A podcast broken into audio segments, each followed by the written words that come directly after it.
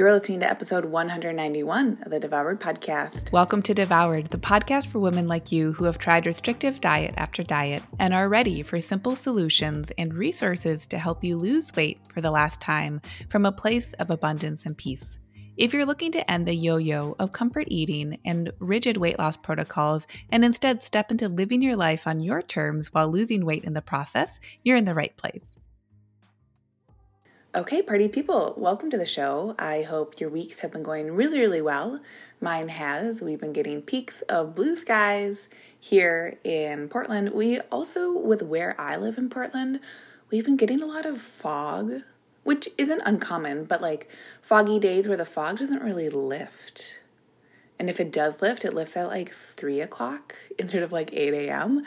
And it's been very dreamy. I still feel like I'm new to Portland, even though come August, I'll have lived here for four years, which is absolutely mind blowing.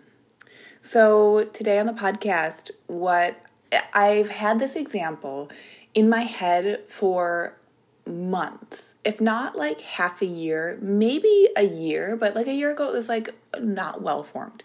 But now it is well formed and it is so simple. So, what I'm going to be talking about and what I really want you to be thinking about this week is allowing weight loss to be simple. And you know, if you listen to the show, that the majority of the time, weight loss is an emotional thing that needs some support versus solely and only a physical thing. Because when we drill down into the tangibles of weight loss, and barring anyone who is taking medications that shift how their bodies work, or barring anyone who needs medical attention first to help balance something in their bodies, right? Like a thyroid concern, adrenal concern, a medical condition, a diagnosis, right? Barring a lack of support for all of that. So you've gotten your support for your things, or you don't have those things. Weight loss really boils down to eating plenty of naturally unprocessed filling foods so that your hunger and your satisfaction are natural and regulated right? Because it's really easy for our hunger and our satisfaction to feel off kilter when we're consuming more unprocessed foods. That's the only reason, really, really, is the only reason why unprocessed foods are not so useful during a weight loss attempt. and weight loss maintenance, meaning for the most part, most people tend to do pretty well with not emphasizing processed foods and with uh, emphasizing highly unprocessed foods, meaning eating lots of unprocessed, nutrient dense, fiber rich, water rich, protein rich, carbohydrate rich, fat rich, unprocessed foods. Okay? So we know that when it comes to weight loss. And then the way that we lose weight is that you understand, oh, in general, this is what my appetite feels like. I like to eat until a certain level of satisfaction. And I like to get hungry until a certain level of hunger. And the hunger is the physical hunger, not the brain hunger. And more processed foods really like to light up our brain hunger areas versus our body hunger areas. Again, just making the case here for why, in general, you'll find that a commonality between any sort of dietary attempt is eat plenty of vegetables, eat a nice amount of protein, and have some carbohydrates. And from there, your body is feeling more regulated, more balanced, and so get a nice amount of physical movement. In that physical movement, there will be some cardiovascular expenditure and exercise, and as well, there will be some forms of movement that will also challenge your muscles. There you go, you're getting cardio and you're getting strength training. That is the too long don't read with the physical part of weight loss. But how many of us, and how culturally common is it, that we make all of that very, very confusing and very, very overwhelming? We eat the clean foods, we don't eat the clean foods. Some clean foods are okay, some aren't.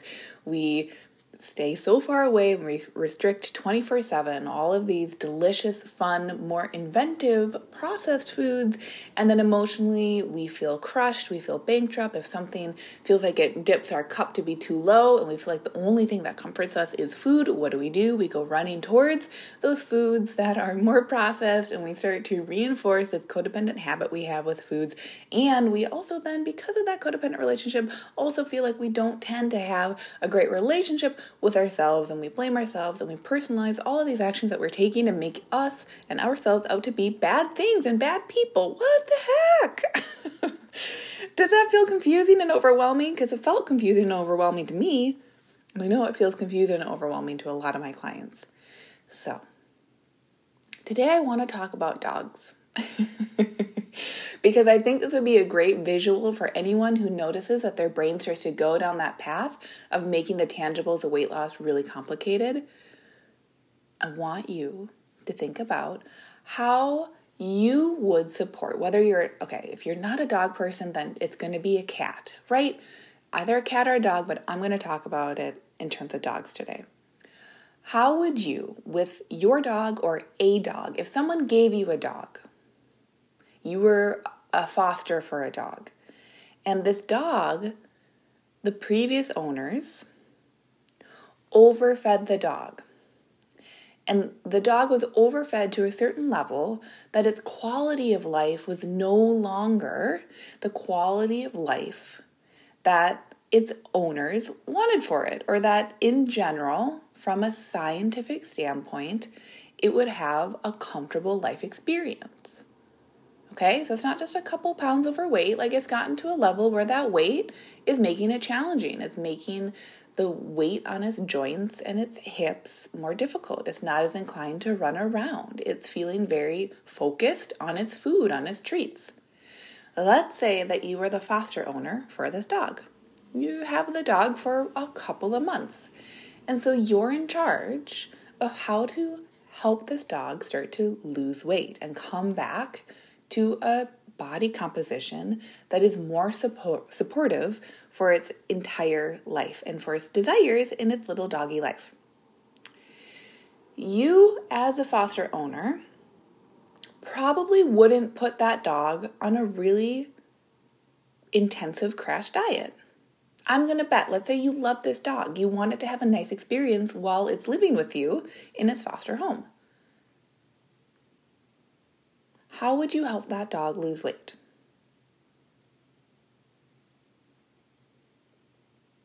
Here's what I'm going to bet you would say I would reduce its food intake. And by how much? Oh, I would reduce its food intake not too much, it wouldn't be too severe, but to a nice amount every day. Might not lose weight as quickly, but that's okay because we want the dog to be comfortable, is doing something new. So you would reduce its food intake by not too much and not too little. And you would know that it's that not too much, not too little point because you would consistently allow that food intake to be at that place. And then you would start to consistently track that dog's rate of progress. And of course, there will be behavioral components to that progress, which we'll talk about in a moment. But if you wanted a really tangible data point, you would weigh the dog. And that dog's weight wouldn't be the only way for you to gauge whether it's having success at eating less food. You would also be looking at those behavioral components. Is a dog starting to naturally move a bit more during the day? Is the dog playing with his toys more? Is the dog coming over for pets and not just pets for treats? Right? Because probably by feeding that dog more consistently, less food, but not too few foods, you'd also probably start to notice that may be a behavioral component that the old owners had with the dog or that the dog got treats a lot of the time. And what do we know about doggy treats? Maybe they're less nutritious than the doggy meal food. Maybe they have a different ratio of nutrients than the dog food. Okay, that's fine. But what do we also know about the treat? It's delicious, it's fun, it makes for a special moment with the dog. But perhaps the old owners were giving that dog a lot of treats, human food or doggy treats, so frequently that that treat no longer became a treat, it became a given. And because that treat was such a given, the dog's behaviors changed. The dog became hyper motivated by the treats because they skewed its hunger and satisfaction levels. And the dog became disinterested in other activities because of that hyper pleasure it was deriving from a constant trickle of treats. So, while you have the foster dog, you don't say, This dog will never have a treat again. Instead, you say, Okay, the dog is going to have these consistent meals, and the dog can have consistent treats too, but we're going to downregulate the frequency of the treat so that the dog can have other life experiences that it can derive pleasure from that isn't solely the treat. What might those be? Oh, going for walks. Oh, learning new tricks. Oh, bonding with its owners or its foster parents. Oh, playing with other dogs. Resting, doing nothing. All of those are appropriate for the dog too. And all of those can come in balance with the dog when the treats aren't taken away for forever, but they're simply regulated, whether that's a daily treat or even a less frequent, maybe every other day, every couple of day treat because the dog's body will know what to do with that. It'll allow itself to self regulate that much further. Okay, so now this dog is eating consistent meals and it's having a treat that's more aligned with the true term and idea of the word treat. Less consistently, but still with some consistency, just not as frequent. And now, because of this, and the dog its weight is being tracked, so there's an awareness of how just that alone is influencing the dog's weight. Now, all we have to do from that tangible standpoint is leverage time. Because in that gentle caloric deficit, that dog, all it needs is time in order for the weight to come off. What the dog doesn't need are days where the calorie intake is really, really high because it's deciding to eat the treats again, or the foster parents feel bad because there's a change occurring.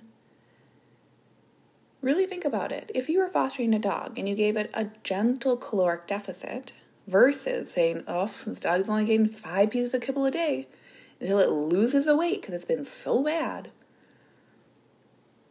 the dog wouldn't really have a big problem. It might notice, like, oh, things are a little different, but okay, I'm still getting plenty of my food here. Guess what happens from there? Right? As you're the foster parent who's taking care of this dog from this really loving, beautiful place, the dog actually gets to increase its feelings of enjoyment in its life. Why?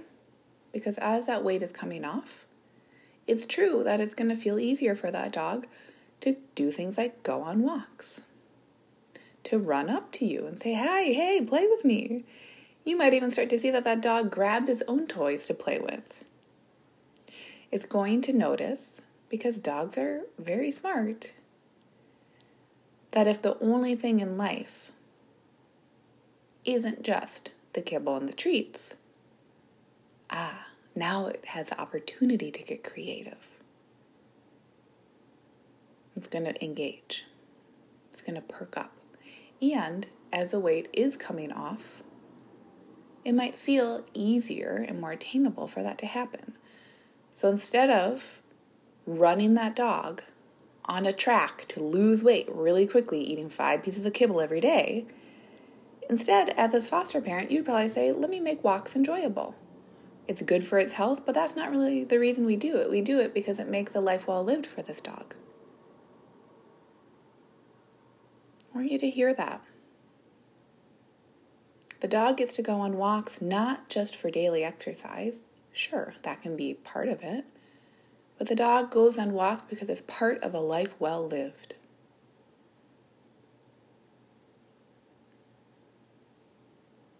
What else does a dog get? Oh, as its foster parent. Okay, you give it time outside because it's a creature in nature.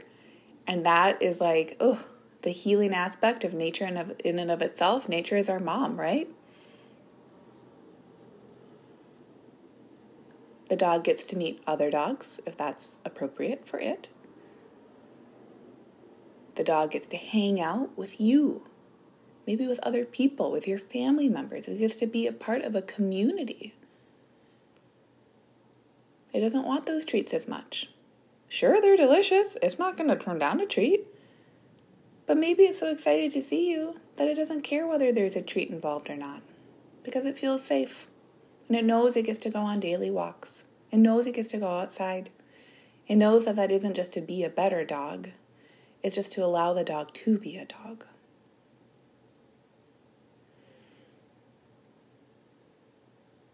And through that process, the dog loses weight. It's not about being skinny to look like a skinny dog. It's about the life that is more lived through the process of self regulation, in this case, guided by a foster dog parent. So, what did you think of that example?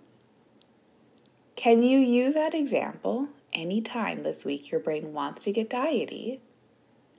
And can you set yourself free from the diets? Can you focus on one thing this year? Of saying, my only job for myself this year is to be done with dieting. And if I ever get confused, I will take care of myself the way I would take care of a foster dog. It will be from such a loving place that there's no way I can get this wrong. I really want you to think about that this week. Because that is how the diets dissolve, my friends. Diets don't dissolve by just deciding that not doing a diet is just another diet and it's hard and fast rules, but the diet does end through consistent structure. You know, there's a difference between being gentle with yourself and being permissive with yourself or being passive with yourself. So this week, from your place of self compassion, from your well of self love, which is there and is beautiful and it grows every day, you get to allow yourself the opportunity to say, oh, when in doubt, how would I take care of a foster dog? How would I love that dog and allow it to live more of a life, knowing it is so worthy of my love and affection? It is so worthy of compassion for exactly where it is today in this moment. That's what I want you to be thinking about this week. So I hope you all have a great week. I will see you on next week's episode. Bye. Did you know you can find more support from me on my website? Go to Lucia Hawley, L U C I A H A W L E Y dot com to connect.